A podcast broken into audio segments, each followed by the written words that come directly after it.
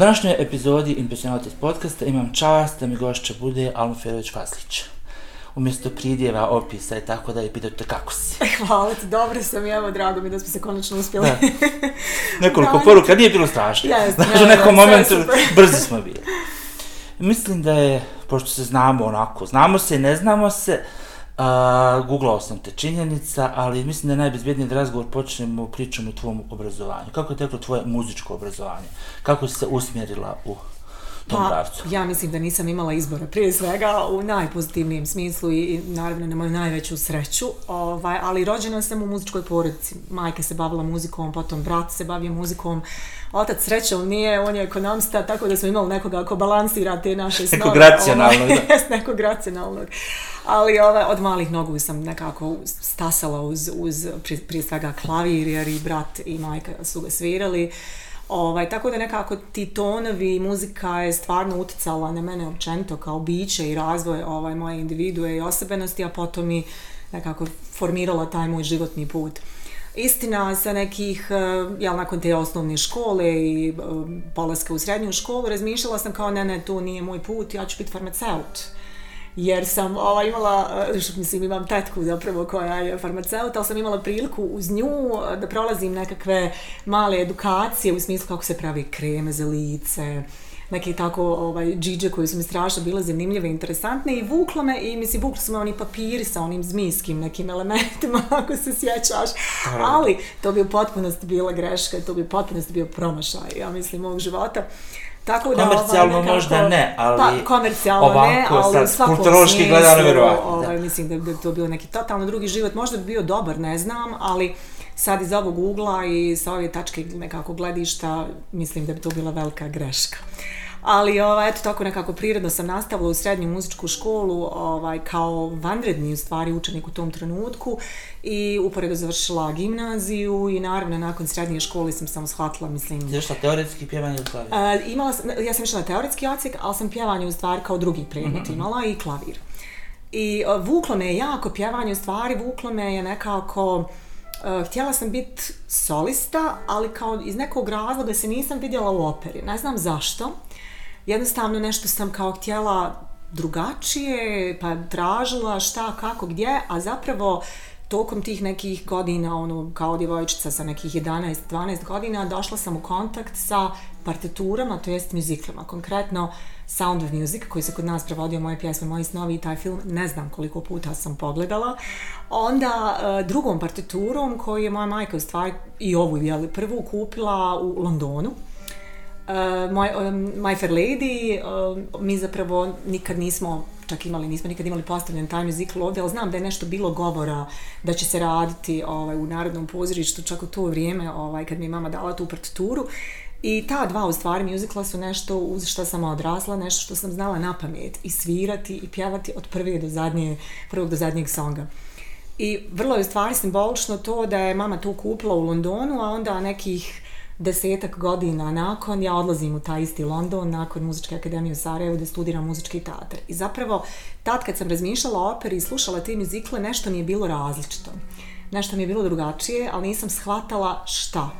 I sam taj pjevani ton negdje mi je bio vrlo sličan operi, a nije opera, bila sam svjesna i nekako nisam, ovaj, nisam imala uh, više u tom trenutku, nije ni bilo interneta i tih stvari, nisam imala više informacije u stvari da prodarim u srž toga, a jako me zanimalo. I onda sam u stvari se bavila hurskim pjevanjem na akademiji, pa dosta nekih koncerata, turnija i tako po svijetu. Ali ta želja je tinjala, tinjala, tinjala i jedan dan sam prosto ovaj, sjela za kompjuter kada sam završila muzičku akademiju i googlala kao strane institucije, imala želju da idem vani, tad sam već shvatila o čemu je riječ, da, da su to muzikli, još se naravno dosta toga pojavilo, dosta toga sam i gledala. I prvi link koji je izašao, jer sam ja ukucala muzička akademija, jel, po osnovu tog što sam završila muzičku akademiju, pa mi je to kao bilo nešto logično. I prvi link koji je izašao je bila Royal Academy of Music i upravo taj musical theater course, odnosno department, koji je ovaj, nudio to što sam htjela da studiram. I to je bio taj klik, a u tom trenutku, da stvar bude ovaj, još onako simpatičnija i smješnija, odim u vode ekonomije To je vjerovatno neki mali gen koji me povukao na tatinu stranu.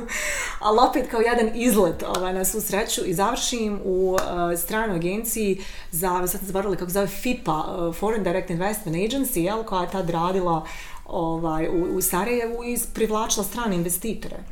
Dakle, ja sam bila kao PA asistent, radila sa petty cashom i sa platama i sa nekim totalno desetim stvarima, to je bio projekt Europske unije, ali sam cijelo vrijeme slušala muzikle u toj kancelarijici i moj tadašnji šef, ovaj, Granville Davis, je meni rekao kao ne razumijem ovu fascinaciju, šta je ovo, mora da ima nešto iz ovoga, objasni mi. I ja mu kažem, pronašla sam taj, taj link tu, tu školu, želim da idem. I on ovako pogleda u mene i kaže, to je vrlo ambiciozno, ne znam šta bih ti rekao, kao i za Britance je jako teško, jer to je stvarno, ovaj, konkretno u, u samom Londonu, to jest u ovaj, Velikoj Britaniji općenito, zapravo uh, muzička škola i kao, hajmo biti malo realni, hajmo biti malo ono, kao, međutim ja nisam popuštala i pošaljem tu aplikaciju i onda nekako eh, krene sve svojim tokom, odim na audiciju, prođem, ne znajući da audicije imaju nekoliko krugova, ali valjda kako sam bila uh, stranac, odlučili su ili me primaju ili me ne primaju, a ne da moram ponovo da dolazim na ti recalls i tako dalje, jer je to bilo nemoguće, te vize, te avioni, te čuda. Međutim, ja to saznajem tek godinu dana nakon kada sam upoznala svoje klasiće i kad su mi u stvari pričali da su peti put se prijavili ili šesti krug ili onda sam u njih gledala kao ono, neverovatno. Tako da, eto, stvarim se stvari najveći san i uh, dokučila sam ono do, do detalja šta je to što je odvajalo operu i da je to zapravo bilo ono što mene zanima muzikal i ta neka razlika u kojoj sam uživala, ovaj, da je to nešto što, je, što u stvari želim da radim, čime želim da se bavim. Koliko je taj studij u Engleskoj bio drugačiji od sistema studija iz kojih si došla? Ti si pa imala završen pa, fakultet, yes. imala si neku yes, sliku o sistemu, kako sistem funkcioniše. Da. Pa ja sam u stvari završila za muzičkog pedagoga, jel, kao profesor prva, muzičke druga. teorije i pedagogije. Prva, jest, prva, prva druga je FIS. Baš ključne riječi. Eventualno B. A, B, A. Eventualno B, FIS, yes, to je to. to je to. Ovaj, ja sam došla iz totalno jednog drugog sistema i ovo je zapravo, ta MA je e, nadogradnja, ali istovremeno pruža šansu i ljudima koji nisu iz muzičke oblasti ili iz e, čak dramske, znači koji su možda doktori, profesori nečeg drugog, da se e, zapravo to je kao neka vrsta doškolovavanja za neke ljude ili preusmjerenja zapravo bolje rečeno na nešto što neko recimo možda tako je, na nešto što možda se neko uh, time već bavio, recimo ima jako puno ljudi koji su uspješni u muzičkom teatru, koji su studirali nešto totalno desito, poput, ne znam, književnosti ili uh, čak ekonomije, znam, doktora dosta, znači koji su jednostavno odlučili, ne, ipak je ovo to što želimo i završili su uh, taj postgraduate course tada, sad MA, jeli, i ovaj nastavila svoju karijeru u muzičkom teatru, tako da je to bilo, nas je, nas je bilo jako, bilo nas je 30 ukupno, 15 djevojaka i 15 muškaraca i svi smo bili totalno različiti i godinama i profilima i prvo mi je to u startu bilo neverovatno da, da sam došla u neku grupu koja nije i po godinama ista ali smo svi prošli potpuno isti trening koji je vrlo individualno bio um, nekako usmjeren na svakog od nas. I to je zapravo najveća vrijednost tog sistema što je uh, rad tako nekako posvećen da iz vas zvuče ono naj, najbolje što postoji, a da nikako niste isti kao neko ko je s vama na godini. Znači, znači njeguje ste individualnost, vrlo, a izlažete potencijale. Tako je, vrlo, vrlo su tome posvećeni jer žele kreirati u stvari nove kadrove koji nisu isti, jer je onda u tom slučaju mnogo više mogućnosti za zaposlenje. Yes. Tako ne da... prave sistem, nego prave pojedinačne činioce u sistemu. Jest, jest. yes. I strašno mi je biti dragocin taj odnos isto da nije bilo mi vi oni, nego svi se zovu imenom. To mi isto bilo onako vrlo interesantno jer naš sistem je mnogo, mnogo drugačiji u tom kontekstu. Ne kažem da je ovo ili ono bolje, ali mi je drago da sam upoznala jednu i drugu stranu i da danas s aspekta nekoga ako isto tako predaje, imam neki svoj odnos prema poslu, prema studentima i neki način komunikacije koji je miks stvari jednog i drugog. Ma da, način uspostavljanja autoriteta u 21. vijeku sigurno nije preko persiranja. To ili imaš pa, ili nemaš, da li ne, ne toliko autoriteta koliko poštovanja. Da. Poštovanje se osjeti, imaš ga ili nemaš, tako znaš. Tako, tako je. Mislim da je ključno uh, da li nešto znaš ili ne znaš, jer današnje generacije su brutalne, tako kažem, jer uh, sve im je dostupno. Dakle, sve informacije o svemu imaju na internetu. A oni to tako malo koriste, oni samo kupe prva dva reda, ovaj, pa što nađu. Jest, što nađu, ali, ali zaista su informacije toliko nekako out there, ono, sve je otvoreno da vi, ako niste ispred njih korak, onda ta vrsta kaskanja kreira neku vrstu nepoštovanja ili neku vrstu um, tihovog podsmijeha iz Tako ono, ispred... Ovo mi znamo, ovo ona ne tako, zna. Tako tako je. I tako da mislim da je strašno bitno u stvari da, da e, pratimo ono što radimo i da uh, kontinuirano smo taj neki korak ispred. A i to je nešto što me naučio put uh, u Londonu i stvar život u Londonu nakon samog studija me naučio da stalno, ali stalno moraš biti na tip of the tongue, uh, u stvari tip of the toes, pardon, moraš non stop biti uh, tu negdje da bi nastavio dalje, da bi se razvijao dalje i imao šta da pružiš na kraju krajeva. Kako su predmeti? Opiši mi predmeti. I dosta ih je bilo. Je to jednogodišnji ili dvogodišnji? To je jednogodišnji, ali je zapravo prvo bio koncipiran kao dvogodišnji studij. I onda je bio preskup, i jednostavno nije, nije bilo moguće da ljudi ovaj plaćaju tolike novce. To je petočna, učili, to preskup je petočna cifra. Uh, jeste, i sad je, sad je u stvari, koliko sam vidjela, zadnja informacija da je bio negdje oko 12.000 funti je ta jedna godina. Uh, A mi smo imali, dakle, tri semestra i oni su unutar jedne godine tako funkcionisali kao cijeline mm -hmm. da smo počinjali krajem septembra, a završavali smo u julu, na kraju jula. Tako da je vrlo bilo onako intenzivno, stvarno je bilo dana da nisam znala kad je jutro, kad je mrak, kako je vrijeme napolju, ništa vrlo je onako bilo ovaj e, zanimljivo, prepuno informacija, a što se tiče predmeta, bilo je mnogih predmeta sa kojima nikada nisam imala kontakta i možda se ne bi činili da su nešto što je recimo najvažnije za sam muzički teatar ili za same ovaj muzikle koje smo izučavali, ali meni je recimo ostavio ogroman trag i e, bilo mi je strašno dragocino da sam ga prošla, predmet se zove musicality, dakle muzikalnost.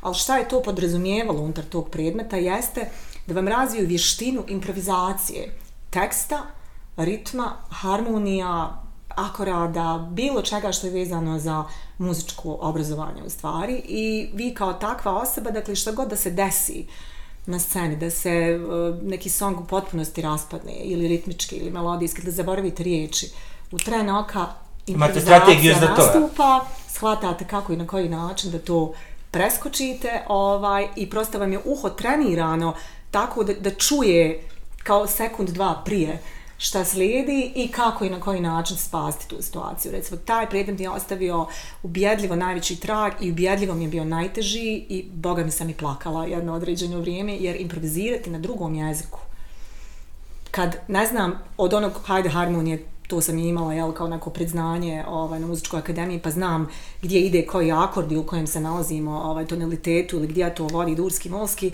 ali ovaj e, tekst recimo evo primjer kaže uh, improvizirat ćemo samo smijete koristiti nazive tube stanica. I ja kao neko ko je tad došao par mjeseci ja ne znam više od tri stanice koje mi trebaju od mjesta gdje živim do mjesta da dođem na akademiju. Dakle kako sam ja mogla takve neke stvari improvizirati tako na licu mjesta nisam mogla. Pa ne znam, naziv, imena gradova, pa nazivi nazvi nekakvi, ne znam, ulica ili tako nešto u stvari. To je vrlo bilo uh, stresno. Možeš možeš kao za kriz, od prilike, da imaš pojmovnik u glavi. I onda sam ja u jednom trenutku rekla tom profesoru, ja ovo ne mogu, ja ovo zaista ne mogu, kaže meni, ali hajde ne moraš na engleskom, kaže hajde na svom jeziku. I to je bio kidač, u stvari ta vrsta uh, opuštanja, relaksacije mozga i onog nisi više pod presijom, nisi više pod pritiskom i niko te živ ne razumije, možeš lupetati što želiš. to je otkočilo taj moj, ovaj, tu moju blokadu i bez ikakvih problema, možda mjesec dana ili dva recimo nakon početka sam potpuno isto improvizirala tekstualno kao i oni i stvarno mi je to dalo takvo neko samopouzdanje u stvari da, da, da možemo da možemo doći ovaj vrlo blizu onoga što je njima u krvi. Dakle, oni su rođeni muzički tatar, oni su rođeni u tu vrstu ovaj, pa i tih improvizacija. Oni su temeljivači žanra, ako se to gleda. Ja. Prosto su, to je to, to je njihovo, to njima pripada, a mi svi se borimo da dođemo što bliže možemo. Zaista se borimo, ovaj, mislim da nema teoretske šanse da se ikada... Kao i rap, kao i hip-hop, kao da. i heavy metal. Da. možemo da. se igrat, možemo nešto, tako, ali tako izleti jedno medo majka, TBF, Elemental, Da. ili nemam pojma šta šta od metala, ne mogu da čak ne rađem. Bila je neka divna grupa Salpašinog, Estetik Empathy, koja je zvučala apsolutno svjetski, ali tu su, Da, da, uglavnom pa to tu je ima to. neki balkanski mirišić. Jest, ima, ima nešto. Vidi se, to, ovi to, je to. nisu. Mislim, sam, sam jezik uh, naš i engleski su toliko različiti, jeli, od, od, od postavke, općenito vokala, pa nadalje, da mi jednostavno ne možemo tome da se pribli, približimo. Prošle godine sam Tako radio da- prevod opere. Opere Jolante sa, sa engleskog jezika na naš, za potrebe Banja Luke i pozorišta. Angažovala moja kolegica Branka i, i, i bio je fazon da tekst kad prevedem, može da se iz njega pjeva. Znači morao sam najblaže rečeno da datiram broj slogova, pri čemu mi je bilo dopušteno da ako negdje ima polovinka, meni fali slog, napravim dvije četvrtinke na istom tonu i tako dalje. Da, da, da, Usput sam gledao da pratim rime E, pa to je sve to. to, i ono, to baš, onda skondaš kolike su razlike u jeziku. Vrlo, vrlo je teško. Znaš kako engleski, vrlo- ovoliki izraz, začas bude samo devet slogova. Da, Znaš, ako da, onda tek da. počneš da pričaš već na 112. Znaš, Ne, ne, stvarno je, jer ima, prazno, nema praznog hoda, kod nas svako Da. slovo pravi slog, gotovo u engleskom nešto, nekad Tako pet je. riječi dobiješ jedno slovo kad ga izgovoriš. Tako, ne, potpuno je, mislim, ono, ne, ne, ne može se uporediti i jednostavno je nešto što mi donekle možemo savladati sigurno i, i čak i akcentom približiti hajmo reći nekih e, 90%, jer ono što se traži u tatarskom svijetu je taj takozvani received pronunciation ili RP, koji je neutralni jezik, ovaj, engleski u stvari bez ikakvih akcenata i onda je to nešto što se dodatno traži i čak i za svakog Britanca je to posebna škola, posebna disciplina. A kamali za nas koji em, drugačije sve to percipiramo, slušamo, čujemo, proizvodimo, postavljamo i još sad kao neki dodatni tamo ovaj, drugi jezik, da kažem, isto kao i Šekspir. Dakle, kad smo imali časove Šekspira, mislim, to je bilo ono, možete li me prvo prevesti, a i oni prevode, naravno, možete li me prvo prevesti koje, kakve su ovo riječi, šta je ovo, pa onda sve ostalo, pa onda značenje, pa onda jel, ovaj, čitava konstrukcija njegova i, i način na koji se to interpretira stvarno je to novi svijet. Tako da je za nas vrlo, vrlo kompleksno, ali je Ali, div, ali je divno i zanimljivo. Ja sam jednom bio u. Beogradu na predavanju neko, nekoj konferencije prije 10 godina, 15. Neki profesor je pričao uh, o mislim, neki, neke sonete je izdvojio, izgovarao ih na neki specifičan način za koji smatra da je bio u Šekspirovo vrijeme takav i dobio je, recimo, vulgarne pošalice. Sakrivene u tekst. Aha, aha. Kad izgovaraš ta, to na određeni način, dobiješ da, to. Dobiješ, da, da. Znaš, tako da. da Šekspir je puno više sloja. Mislim, ja sam Kako imao da kao predmet. mislim. Da, ne I samo sam zagrebao. Nakon dva semestra samo sam zagrebao upravo, to. upravo ne možeš ništa. Samo ono što sam dobila na papiru. Neki dan je bio ovdje pravilno požeštu monumentalan Otelo, neko iz Litvanije, neki teatar, gradski teatar Vilnusa, znači svi su ljudi od nekih 20, možda dvije, tri godine. Prvo, fizička spremnost imaju kao da su iz legije stranaca. Znaš, oni se kreću na onim velikim točkovima za, na koje se nametavaju žice. da. Znaš, ni veliki kalib Da, da, drveni, znam, kreću znam, se znam, usput, jedan do dečko svira, na tome obavljaju radnju, penju se, prevrću se, izgovaraju tekst, eh, donose dramsku radnju, svjetlo im fenomenalno, nakon, tri sata kod je bomba pala. Da. Znači, jezička barijera postoji, Da. gledaš onaj titul gore, ali sve ostalo. Ovo ja, pa to je I to je samo jedno od to- šest miliona tumačenja tela. Da. Ni- Nisam gledao ovo Sartrovo. Da. Još uvijek to me živo zanima kako je urađeno. I Otići. to je samo jedan komad, jedna Da. Stavkica Šekspir, Šekspir. Ali da, odemo u Šekspira, nećemo Jeste, slušati razgovor. Nikad. I onda vratila se, kaže, šta je diplomski, odnosno magistar, Da, magistar, ma, šta je magistarska predstava, u mom slučaju je bio musical Sweeney Todd, ovaj, genijalnog Stevena Sondheima, dakle, koji nažalost više nije na stanovnik jeli, zemlje, ovaj, na nekom i drugom mjestu, ali taj čovjek je ostavio najveći trag apsolutno u ovoj branši i ostavio je kapitalna djela, dakle kapitalna djela, pogotovo za glumce. Ja uvijek kažem da je Steven Sondheim prvenstveno glumački kompozitor u muzičkom teatru, zato što on tako razvija radnju oko glumaca i onako višeslojno iz raznih uglova prepliče te, pri, upravo pre, prepliče jel, te priče, on je u stvari radi konceptualne muzikle, tako da ovaj, to je jedan čisti genije koji je najbolje znao napisati i tekst i muziku za nekoga ko to izvodi. Veliki je to gubitak, ali ova ostavio je zato sjajna djela iza sebe i Sweeney Todd je u stvari Demon Barber of Fleet Street je bio moj magistarski rad. Ovaj, to je bila predstava koja je igrala u našem pozorištu na akademiji i to je prilike negdje, ja mislim, i koncept svih tih e, uh, ocijeka ovaj, MA da na kraju napravi profesionalnu predstavu, imate casting, dakle gdje ste vi na tom castingu kao da ste u profesiji i ljudi koji postavljaju muzikle su ljudi iz profesije, dakle reditelj koji to radi, u mom slučaju to je bio Matt Ryan, ovaj, onda ne znam, muzički reditelj koji također radi u profesiji, uh, ostali svi od uh, pokret, jel, osoba za scenski pokret, pa za ples, zavisi o kojem se ovaj konkretno o dijelu radi, ali um, to je sjajna jedna priča, tamna bila i onako za kraj, iako je veselje, mi smo učestvovali, pola nas je igralo u Sweeney Toddu, a u toj dijelu tamnoj priči, a pola nas je učestvovalo u uh, The Wiz, što je u stvari druga verzija Wizard of Oz. Mm -hmm u kojoj je, ovaj, evo sad mi stao moment, mozak da se sjetim koji je glavna uloga u svijetu, što je Anna Ross, Anna Ross. Ovaj, to je sjajna isto jedna priča koja je opet bila jako vesela, tako da smo se susretale na hodnicima, mi koji idemo kao ono, sivi i ovi koji idu u nekom excitementu uzbuđenja i gledali smo jedne druge, uživali u dostignućima u stvari onoga što, što jel, vi, vi vidite kroz tu predstavu koliko je neko daleko otišao od prvog dana kada smo ga slušali na prezentaciji gdje smo se svi predstavljali ko odakle dolazi i onda ga vidite poslije u nekoj ulozi kako sija, dakle to je, to je ono toliko nevjerovatno vidljivo i, i taj neki rezultat koji se postigne praktično za devet mjeseci ali ta tri semestra koliko smo imali je nemoguć, mislim malte ne nemoguć. I na kraju ostaje najnekako tužnije što uh, Evo u mom slučaju vjerovatno nekih e, 40-50% e, mojih klasića nikada nisu igrali muziklima. Velika šteta jer je tako brutalna ta struka i jako puno je kadrova i teško je da dođete do West Enda, zaista je teško. I onda negdje je to malo i hoće li vam se posrećiti, hoćete li dobiti agenta na agent showcase koji će vas onda gurati, prodavati i tako dalje. Ovaj, Tako da, eto, ja, ja sam bila ovaj, među tih 60% sretnih, moram reći, to mi je negdje još veće ostvarenje, zna da sam to što sam naučila primijenila, istakla taj zanat i onda jednostavno shvatila, ok, to, to znam koliko znam, znam i šta ne znam, znam gdje trebam ići dalje i gdje se trebamo savršavati, ali ogromno iskustvo bilo ovaj, i živjeti i raditi i školovati se u Londonu. I onda se vratila u tačka ba, je li ti država Bosna i Hercegovina priznala, odnosno verifikovala diplomu?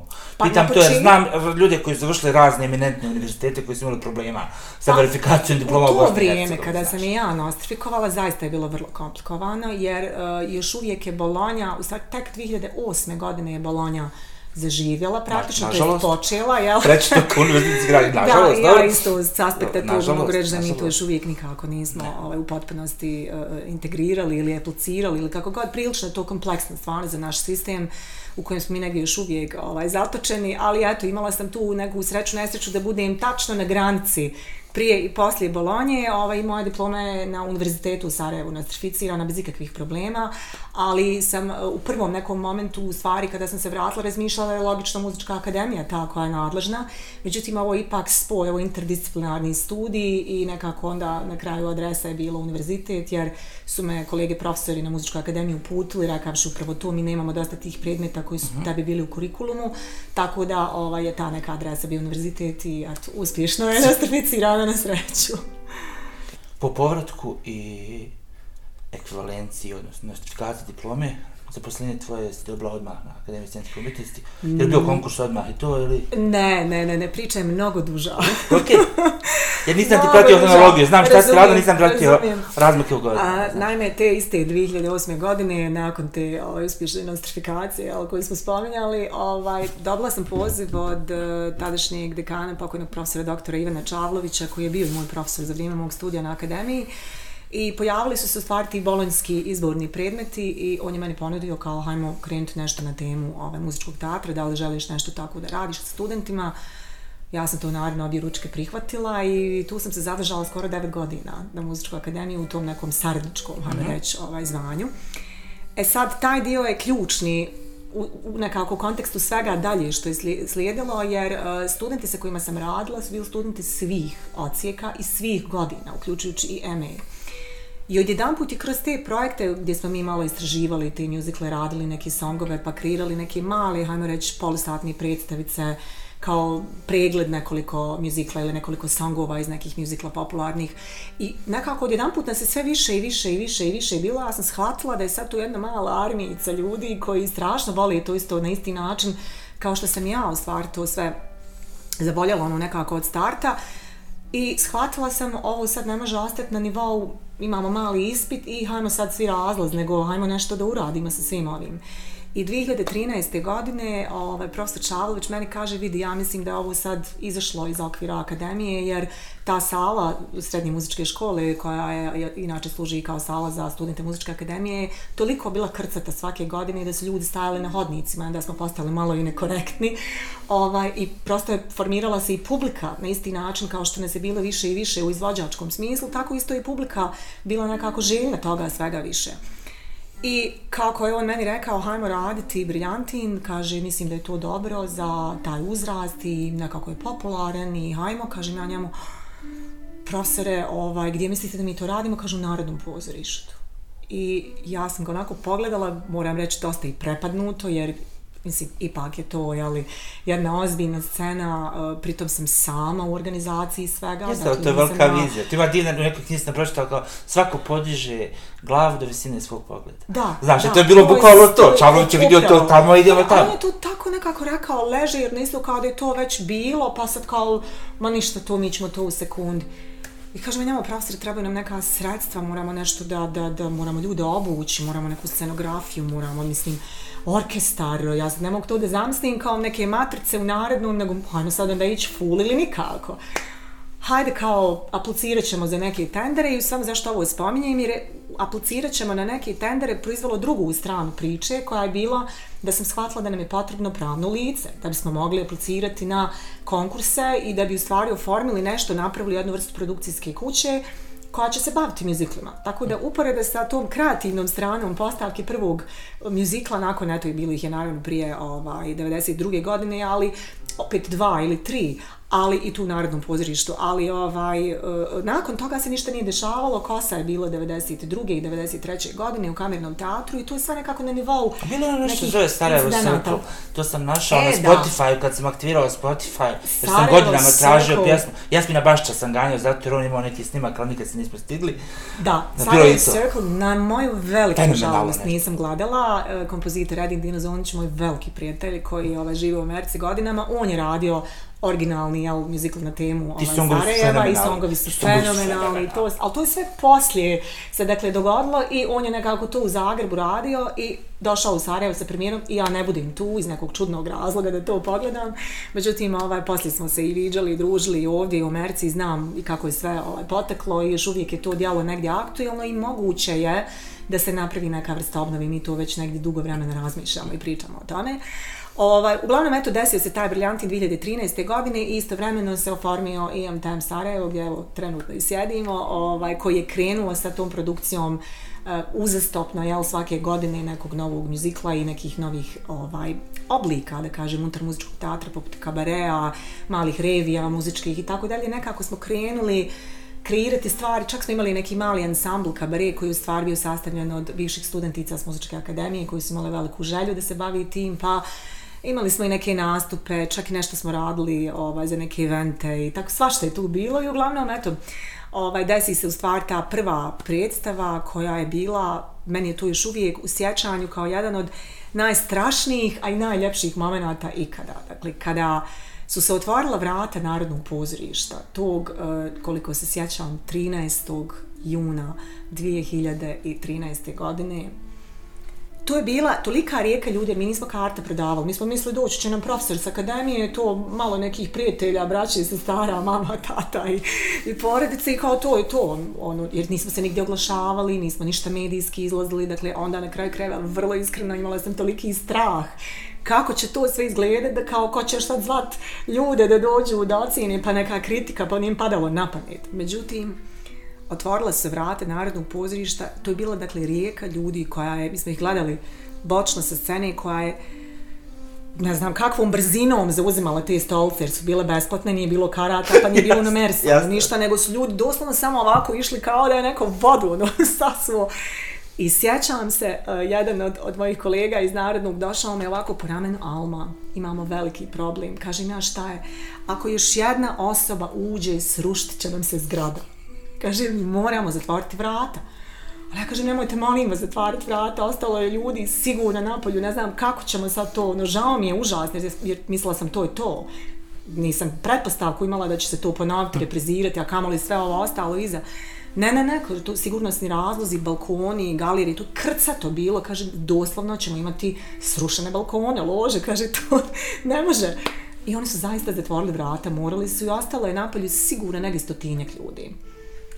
I to je bilo sasvim onda prirodno da napravimo i reprizu. Tako da smo imali četiri stvari izvođenja briljantina, isto tako sljedeće godine e, uh, Footloose, koji je meni privatno ostao najdraža predstava zbog neke kolektivne energije i neke i moje personalne veze s tim musicalom, ali općenito to je stvarno isto bila jedna predivna, predivna priča gdje smo sređivali sa studentima Akademije scenskih umjetnosti i studentima Akademije likovnih umjetnosti svaku u svom domenu i segmentu ovaj, i napravili još jedan iskorak. I onda dalje prljavi plays, pa Annie, pa Flashdance, pa onda neki koncerti, kabare i tako i to je sve prirodno počelo da raste i da se u stvari razvija iz te neke, eto, male, ove, malog muzičko-scenskog, muzičko, stvari predmeta koji se zvao muzičko-scenski pokret, eh, muzičko-scenski projekt, pardon, a, kako se to sve ovako nekako otvorilo i mnogo tih ljudi dan danas zapravo se bave a, tom formom i općenito muzičkim teatrom i nije samo musical dio toga, ali A druge strane, postoji,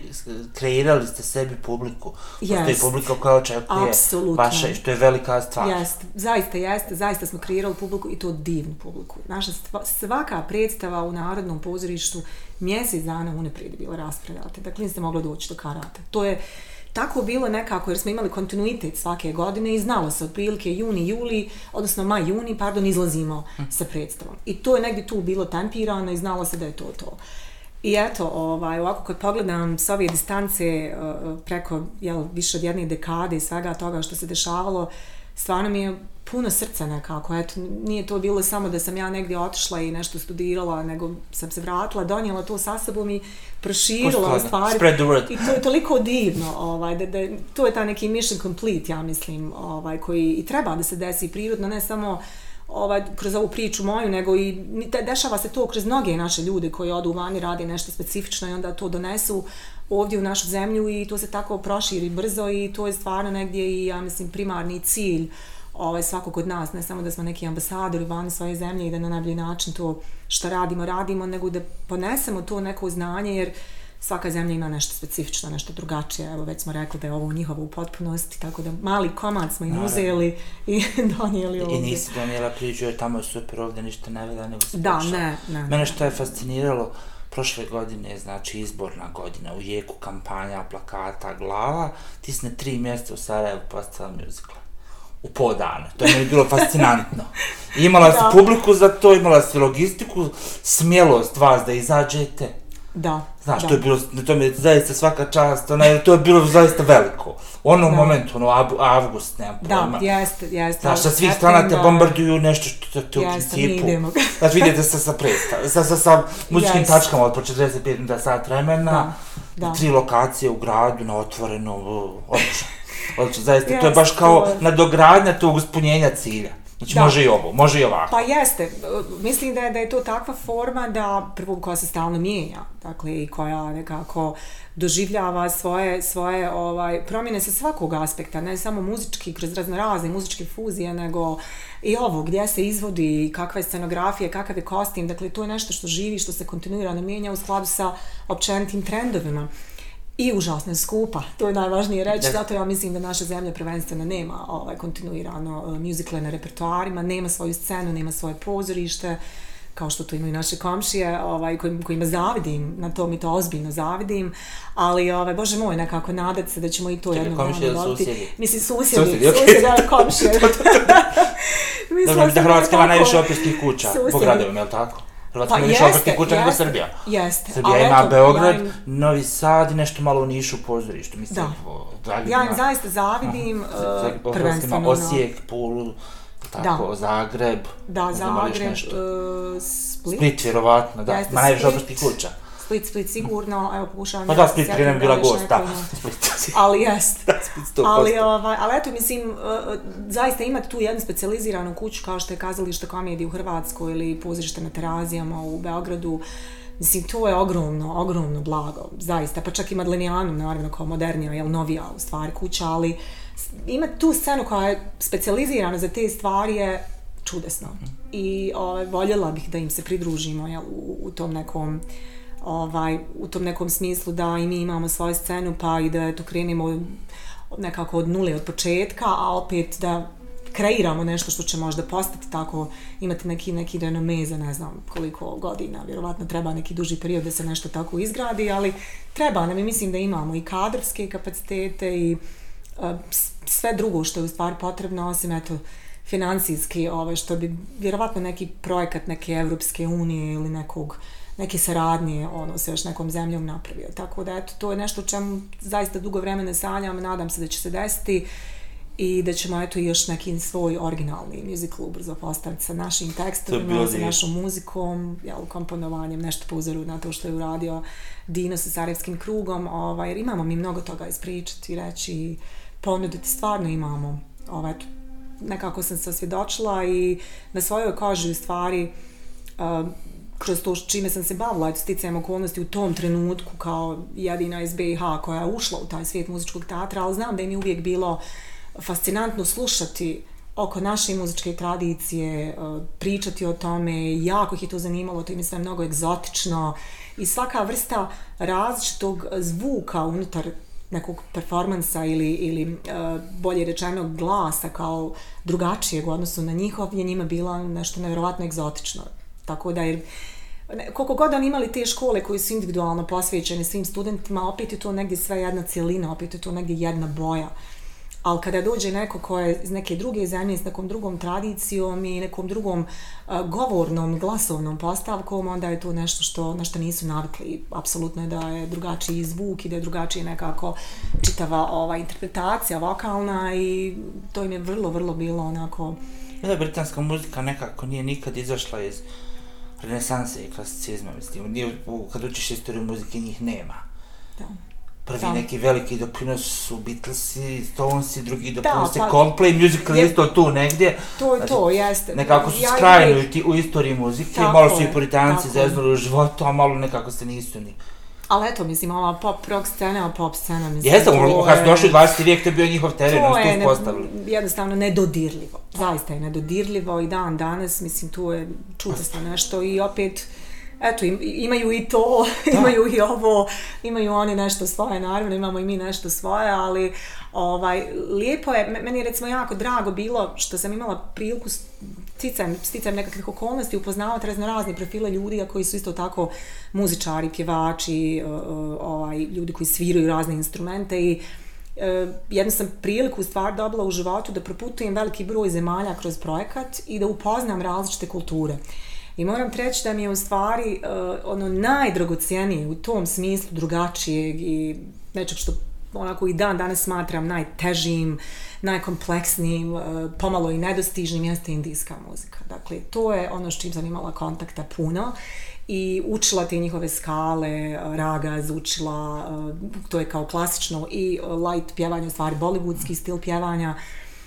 To je, dakle, tad sam shvatila koliko je ovaj naš sistem po kojem mi u stvari radimo i učimo koliko smo mi zapravo u jednoj kutiji koja je dobra kutija, ne kažem da nije. Temperovana kutija. Ali smo zaista u jednoj kutiji koja mnogo toga još apsolutno ne, ne poznaje u odnosu na ono što oni imaju. Dakle, ta, ta luksuzna muzika, ne znam kako da je nazovem, e, ti njihovi uh, intervali, ti njihovi ukrasi vokalni, uh, način na koji oni izvode stvari, pa i onda negdje uh, isto recimo što mi je bilo fascinantno, mislim da to nikad na zapadu ne bi bilo shvaćeno na taj način, dakle oni pjevaju tako što sjede na podu, u papučama, izađu na koncert sa 40.000 ljudi s papirom, onako malo pje... A ono što izvode muzika koju kreiraju i, i kako pjevaju, što, to, je, to je nemoguće. Mislim, to je nevjerovatno ali tako neki potpuno relaksiran način. Mislim, ima koncert kasne kasnije po sat vremena,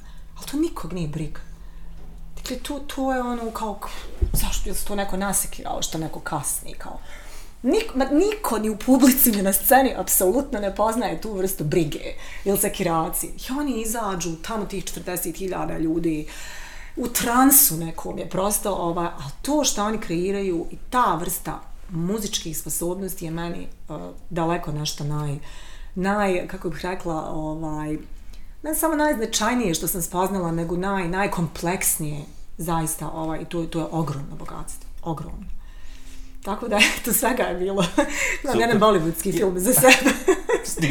koji je, mislim, isto tako, ono, suluda neka situacija, ali eto, spoznala sam to nešto drugačije i to mi, ja mislim, daje neku energiju, neiscrpan izvor Ideje, energije. vjerovatno, i ideja, inspiracije da, ono, se. znam sve šta neko drugi radi, kako su oni inspirisani, kako oni izvode stvari, pa ne znam, pa onda tako malo to ovaj, jedno s drugim uporedim i to i onda to negdje smjestim ovdje u ovu našu sredinu na način na koji je moguće i to je to.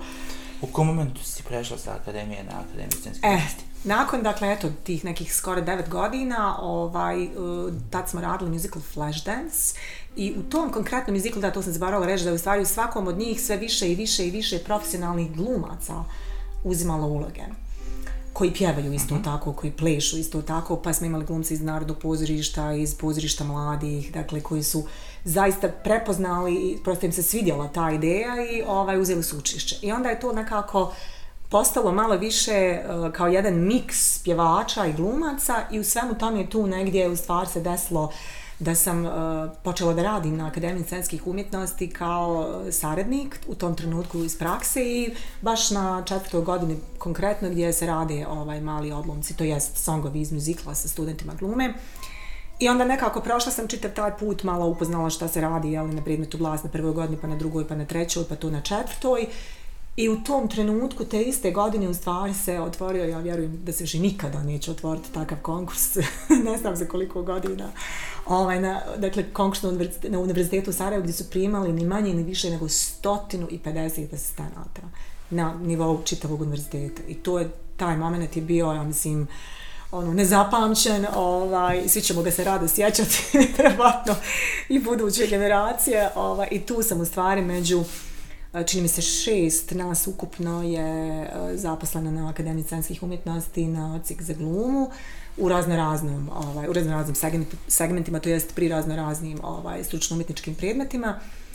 I tu je praktično počela ta neka primjena e, još direktnija ili usmjerenija onoga što sam u stvari uh, i studirala i, i, i ovaj, usavršavala, pa i dan danas što usavršavam i mislim do kraja života, jer najviše bih voljela ostati studentica do kraja života, a uporedo rad sve ovo ostalo. Tu je dakle krenula ta neka, taj neki fokus, jer uh, muzički teatar je gluma kroz pjevanje, dakle opet gluma kao prva riječ, iako je muzičko obrazovanje uh, neophodno i uvijek kada gledamo predstave, jel, prvo je pjevanje, prvo je muzika u prvom planu, ali je donešena na drugačiji način. Dakle, gluma kroz pjevanje, glumački songovi, sve je to nešto što je ovaj, jedan malo drugačiji svijet u odnosu na ono samo e, pjevanje neke pop pjesme kad pri, opet pričaš neku priču i to je isti, isto tako ovaj kao i u ovom, ali postoji više glumačkih sredstava koji se koriste i nekako je to sve sjedinjeno kroz tu integraciju stvar glumi, pjevanja i plesa i uh, takozvani triple threat, odnosno onaj ko to sve može, on je iznad svih i nije ih jako puno ni u svijetu, a ovaj, kamoli kod nas, ali sam oduševljena bila od prvog momenta do dana današnjeg koliko u stvari studenta glumaca jeli, i na kraju diplomiranih glumaca i kolega vole to, koliko ih to zanima, intrigira, e, koliko je izazov za sve njih i koliko su dobri u tome kada se tome posvete. I to je opet ono vraćam se na ono da mi imamo šta da ponudimo apsolutno i da smo mi spremni za tu neku scenu, tako da eto, Akademija je stvarno sada moje, moja oaza e, radosti, znanja, e, druženja, nekako razvoja u svakom mogućem smislu, jer mi sad spojila ta pedagogija s muzičke akademije, jel? i spojilo mi se ovo što sam radila, taj umjetnički ovaj master, kroz ovo što u stvari prenosim studentima u, ovaj, na predmetu glas, jer nije to samo muzički teatr, nije to samo muzikli, naprotiv, mnogo je tu više stvari i slojevito je ovaj, u odnosu na ono što na prvu zvuči kad se kaže glas. Je li ti je bilo teško inicijalno, kao nekom ko dolazi iz prakse, s terena, da se prebaciš u ulogu nastavnika? Jesi morala da praviš pa, u glavi koncepte kako nešto da približiš, objasniš, pojasniš? Je li, je li bila ta prilazna faza ili si to odmah znaš? Da, um, mi, ovako, to bih prvo vezala za, za taj dolazak na muzičku akademiju, tu sam sigurno ispakla zanat, mislim, definitivno, baš što se tiče tog pedagoškog ovaj, smisla, ali nisam zaista razmišljala o tome nekako kako i na koji način trebam nešto da prenesem, možda mi je tu negdje ovaj, ostalo, vjerovatno jeste sa tog nekog eh, iz tog nekog segmenta metodike kojom sam se stvarno bavila jer sam na metodici i diplomirala u stvari primarno na muzičkoj akademiji, tako da nekako sam se samo vodila instinktom da to što radim kroz tri discipline trebam raščlanti, približiti i onako vrlo lično, kroz neki moj lični pristup ili neku moju o, o, ličnu priču, stvar koju sam prošla, da pokupim to kako su meni objašnjavali i da prenosim na najsličniji mogući način. Ovaj, I vjerovatno se to iz godine u godinu razvijalo. Mislim, bilo, bilo bi vrlo zanimljivo uh, pitat tu prvu generaciju studenta, ono da im kažem, Boga vam na šta sam na vama ličila, ili je li to imalo smisla, ili jeste li me razumijeli, jeste li me shvatili, mislim, jer je to bio takav hype, takav ono zanos, svemu tome da su svi kupili kao spužve, ja ne mogu uopće, ono, apsolutno uopće ni da se sjetim, ovaj, samo znam da smo se dovijali za prostore, da smo po hodnicima vježbali, da smo uh, dolazili u stanove nekih od studenta gdje su, ne znam, mame nam pravile kolače, do, doručak ili večeru ili nešto, gdje smo svi tako po deset nas i bilo, vježbali uz klavir i to sve, mislim, baš je onako bilo, snalazili smo se kako smo mogli do momenta kad se ovaj IMTM formio, ali e, taj pedagoški put ili taj pedagoški razvoj jeste krenuo na muzičkoj akademiji, ali definitivno svoje ozbiljne okvire bar u nekom smislu posvećenosti ili manje svjesnosti, ok, sad se dakle na jednoj vrlo ozbiljnoj instituciji koja je drugačija u odnosu na ono što sam u startu završila i negdje sam morala formirati svoj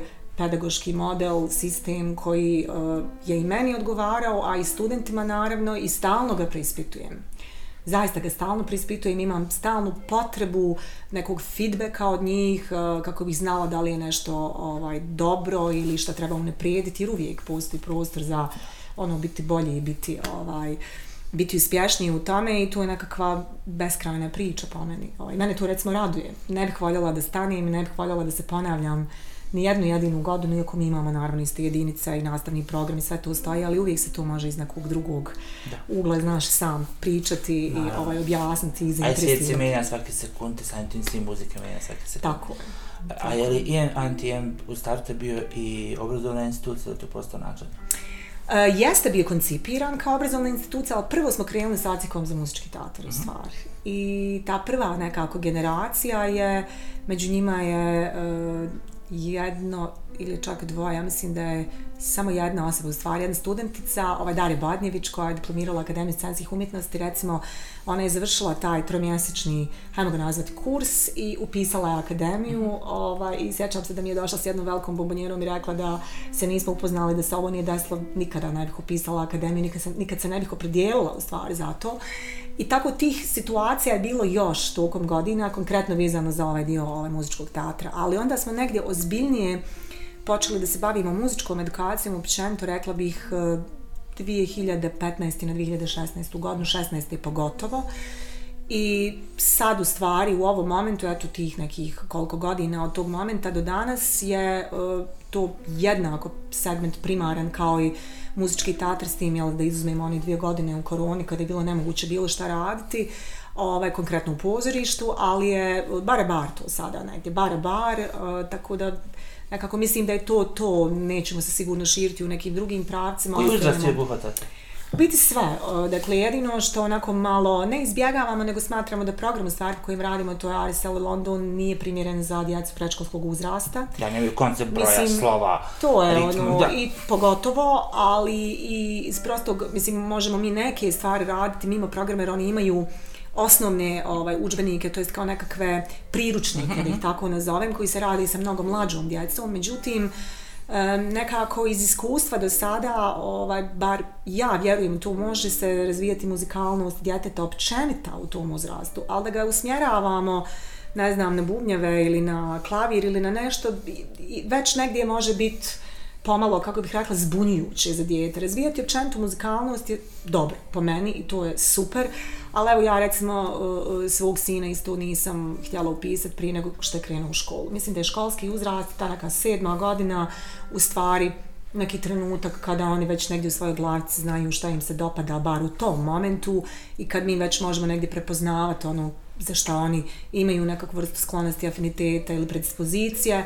Tako da, ovaj... Ali kad imaju koncept ono, koncentracije koja možda traje to da ne govorim, 25 minuta, kad nije samo igranje. Mislim, tako je, tako je. Mislim, imamo mi neke programe Wunderkids za djecu u prečkolski uzrast gdje su oni E, klavir uče kroz vid crtanja, pa čak i neke matematike. Znači, imamo mi sve te nekako prilagođene ove modele i programe, ali nekako nisu zaživjeli u potpunosti i mislim da postoji razlog za to i nekako smo onda odlučili, ok, školski uzrast je taj koji mi njegujemo bez gornje granice. Tako da je to negdje Super. to čime se u stvari bavimo. Koji način te pedagoški rad obogatio? A, jako, dakle, to je, mislim da je to ključna stvar, ovaj, za ljude koji su završili, hajmo reći, tu pedagogiju, koji, koji imaju namjeru ili žele ili se bave pedagogijom, da u stvari shvatiš koliko ti učiš od studenta. Koliko god im dajem, toliko dobijam. I zaista je taj proces vidljiv je. Znači, vidljiv je koliko mi se puta desilo nešto, pripremim neku temu za čas i krenem s tim, odjedan put doživljavam neki total, neku, ono, ono kao da sam na raskršnici koja sad ide u nekom totalno drugom smjeru, ovaj, shvatam zapravo da ti njihovi odgovori i to što dobijam od njih kao rezultat mi otvara neku drugu sferu koja me navodi na nešto sasvim ovaj, desito. Tako da za mene uh, moj obrazovni put iz ugla, kako bih rekla, jedne zrele osobe u stvari je počeo od momenta kada sam se počela baviti tom pedagogijom sa studentima, jer eh, sada mnogo više učim nego ikad. Ne samo od njih, nego imam potrebu da idem dalje zbog toga što znam da trebam da im dam i da ih pratim i zbog toga što toliko traže. Znači, to je stvarno jedan, jedan ovaj uzročno-posljedični neki sistem u najljepšim, najljepšim smislu ovaj, tih riječi koji je i neiscrpna energija i koji mi potpiruje nekako potrebu da idem naprijed i da ja budem ono što sam rekla doživotni student. Znači, to, to je nešto što zaista da je i kako moguće, ja bi sad potpisala. Također. Osjećaš Generation Gap, ne u smislu distance, nego u smislu različitih etičkih nazora, različitih pristupa učenju, različitih pristupa muzici, čitanju, traženju informacija, svakodnevnom životu. Tako, da. Osjećaš da, to? Da, da, kako da ne. Dakle, moj dan počinje potrebom da tog dana saznam nešto novo, a to obično novo je opet uh, noć prije se de, ili tog dana prije se desila neka situacija koja me, koja mi je postavila upitnik kao aha, to treba, šta bi to trebalo biti ili šta bi trebalo da uradim da saznam to nešto i da sljedeće jutro ide to da saznam i onda tako svaki dan i to je konstantno, znači to je nešto što je, mislim, jedina stvar koja me ne umara zapravo, naprotiv odmara me.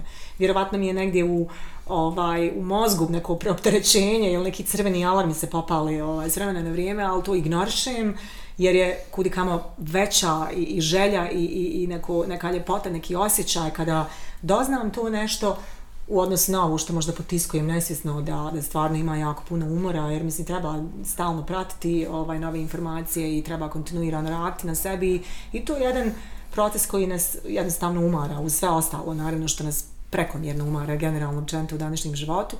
Ali uh, potreba mi je kontinuirana, kažem opet više nego ikada i mislim da svaka godina što sam starija, što sam zrelija, što imam više nekog iskustva i radnog, i izvedbenog, i životnog, i kakvog god, u stvari mi je podstrek za neko novo znanje.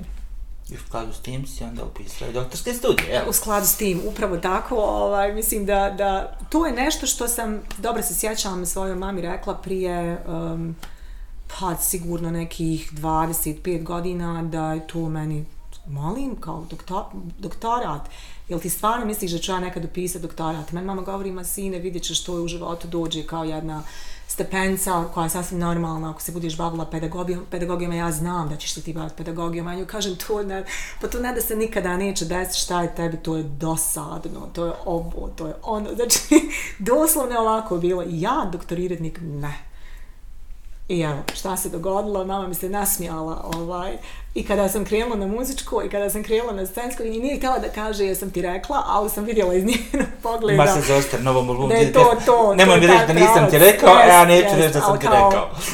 ali ona samo jedno, da, samo se onako nasmijala i ovaj, ja sam je onda priznala i rekla ljepšeg poziva od tog profesorskog poziva, odnosno tog univerzitetskog nivoa. Sigurno da je i srednji i osnovna škola za ljude koji se tim bave vjerovatno isto misli kao ja za ovaj nivo, ali općenito biti pedagog na kojem god nivou za mene je nešto zaista uzvišeno, jer uh, ne samo da nosi tu dozu, da ti vidiš kako neko pred tobom prosto ovaj procvjeta kao osoba u svakom smislu i, i da si dio formiranja njegove ili njene ličnosti. To je ogromna odgovornost, ali u tome leži i ta neka ljepota kada dobiješ natrag to nešto što u stvari što si uložio jel, ovaj, kao profesor ili nije važno jel, na kraju kreve kojem zvanju sve su to nastavnici, ali to je nešto što je, što je meni lično nešto najljepše i to što mene jel, isto tako ovaj, ispunjava iz čega ja u stvari crpim tu energiju i učim i taj jedan proces u stvari koji je ongoing, jel, nema ni, ni, ni kraja ni početka, nego prosto se non stop Lup. dešava, lup je.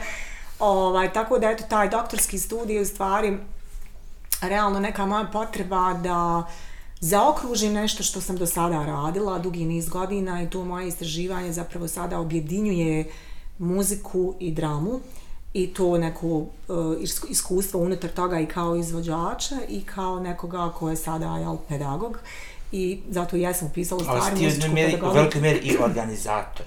Neko ko drži konca u rukama, neko pa ko jeste, da sam imao čast da ovaj, budem Yes, Prije to početak je. vaših nastupa, vi pratite svjetlo i yes, yes, ton to je. i odjeću i šminku, je li neko bolestan, da, je li neko dobio, da. je li neko da. ljut. Sve su to komponente kad se izlazi na binu, to, to, to mora da se zna. To je sad taj producentski, producentsko-menedžersku ovaj, komponentu koja je, isto bitna samo zato što sam morala, moram reći da to nije bilo svjesno ovaj, neka želja da se tim bavim, ali nije, nije bilo koga, nije bio niko drugi i to, to je bilo to. I onda sam i kroz tu priču stvari shvatala aha, šta su segmenti iza scene. Dakle, sad znam od karte do producentskog onog maksimuma ili nivoa, znači sve i kreativno, umjetnički, organizatorski, e, dakle, ne postoji segment unutar organizacije, bilo predstave, bilo koncerte ili kakve god forme ovaj, koju ne poznajem iznutra i svana. I to jest velika stvar i nekako o, e, možda i ta smjelost, ovo što si rekao, da smo tri koncerta organizovali to vrijeme, mislim, nisam ne razmišljala o tome, nekako mi je prirodno bilo, jer poželjeli smo da se bavimo kao nečim, hajmo nešto napred, hajmo, i odmah se znalo, ali napiše tendere, pa će se, ne znam, prijaviti, pa ćemo organizovati, pa gdje, pa koji su prostori, pa javljaj ovo, pa javljaj, dakle, to je nešto što je meni ono kao, neki ono second nature, kako bih rekla, ono nešto što usput ide, čemu ne pridajem toliko značaja jer nije, tating ne može mi... Tating ova, je, rekao. Ta, e, tating je, da, apsolutno tating je, 100% i dobro je, srećom da je proradio, jer Boga mi ne bi nas bilo danas umjetnici, menadžeri, sobstveni, bez toga je nemoguće obstati, ovaj, gotovo ono, 100%. Tako da, eto, taj segment vučem uz, ovaj, zato što moram, ali ta kruna nekog sad, u stvari, tog pedagoško-umjetničkog rada jeste uh, ta neka moja još uvijek radna tema, u stvari oblast, bolje rečeno, ovaj, budući da sam tak na drugom semestru, je muzička pedagogija, odnosno uh, muzička edukacija glumaca. Zapravo to je neko polje i unutar toga sada istražujem nove metodičke pristupe, uh, šta u stvari muzika općenito, čemu ona doprinosi u edukaciji glumaca i kako utiče na njihovo primarno ovaj, sredstvo, to jest na glumu. Uh, i šta oni dobijaju kroz jednu vrstu muzičke edukacije nekog modela koji želim da ovaj osmislim, koji želim da istražujem u stvari, tako da dosta je tu nekih uh, polja koja su sad ono kao mali prozori van te teme gdje bi se jednako u svako od tih moglo upustiti, ali sad, treba zdi, da sad to treba, da i montiraš. Znaš kako to već mm -hmm. ide, tako da sad ide ono super je to sve, ali sad se moramo Best, malo ovaj, fokusirati i problem je u stvari uh, na šta konkretno u ovom momentu da se fokusiram jer mi je toliko polje zanimanja ovaj, i toliko je polja otvoreno u ovoj oblasti. Dakle, nema uh, mnogo ovaj kako bih rekla tema na odnosno radova na ove teme pisanih tragova jeste pa čak ima dosta literature ali više koja se veže za pjevanje a ne općenito za muzičku edukaciju. Muzička edukacija je stvarno široko polje i mislim da bi to bilo nešto što je jako potrebno uh, ovaj glumcima i da bi im to dalo potpuno jednu novu, uh, novu prizmu u stvari, nešto skroz drugačije u kontekstu same izvedbe, odnosno njihovog djelovanja primarnog kao glumaca, da bi dobili još jedan ozbiljan, još jednu ozbiljnu vještinu prije svega, a i još jedan ovaj uh, uh, pogled na stvari koji je malo drugačiji koji bi im zasigurno obogatio ovaj, njihovo djelovanje. U tu sam prosto uvjerena, zato se tim i bavim i nadam se da ću uspjeti da dokažem tu svoju tezu. Kakav ti osjećaj bio pojaviti, pričala smo o tome izvan kamera, E, s druge strane katedre ponovno. Ja, bilo mi je vrlo ovako, kako bih rekla, bila sam jako uzbuđena prije svega što se penjem nakon više desetina godina na istoj instituciji, sjedim u istoj klupi gdje sam sjedila ovaj, i prisjećala, se, ono, prisjećala sam se nekih trenutaka koji su bili onako kako ću ja ovo završiti ikad u životu muzičku akademiju, a sad je neka situacija potpuno drugačija, sad se kao radujem tome jer znam šta sve to podrazumijeva i stvarno iz ugla osobe koja je ipak mnogo zrelija nego to prije par desetina godina, ova drugačije gledam stvar, drugačije percipiram stvar, to znanje koje se otvara, drugačije kupim, uh, E, drugačije se usmjeravam na to sve. Onda iz ugla nekoga koji je također pedagog, kada slušam svoje kolege, drugačije isto tako te neke indikacije ili njihova predavanja ili ono što oni kroz neku svoju prizmu djelovanja nama daju, drugačije to tumačim, analiziram. Znači, stvar, taj neki doktorski studij bih rekla da je je li otkrivanje nekog novog znanja bazirano na onome što već do sada znamo, na nekom predznanju, ali... Ali istečenom iskustvu. Is, upravo istečenom iskustvu koje je te u stvari dovelo do toga da ti imaš potrebu da istražiš nešto jer iza sebe imaš neko određeno iskustvo gdje već znaš šta bi kako trebalo i sad je to ono što te intrigira gdje će sad to sve da ode, koje je to neko novo znanje. Tako da one, vrlo mi je zanimljivo i, i, i ovaj, nek si se status bilo stavila nešto uh, student versus teacher stvari, jer oboje, unutar mene je sad oboje. I, I mnogo mi je slatko kad kažem da sam studentica. I tu kažem svojim studentima, ja sam studentica kao i vi. Ovaj, I meni je to divno nekako, onda on se ne smiju uvijek, ono, kao pa ali niste baš, ali kažem jesam.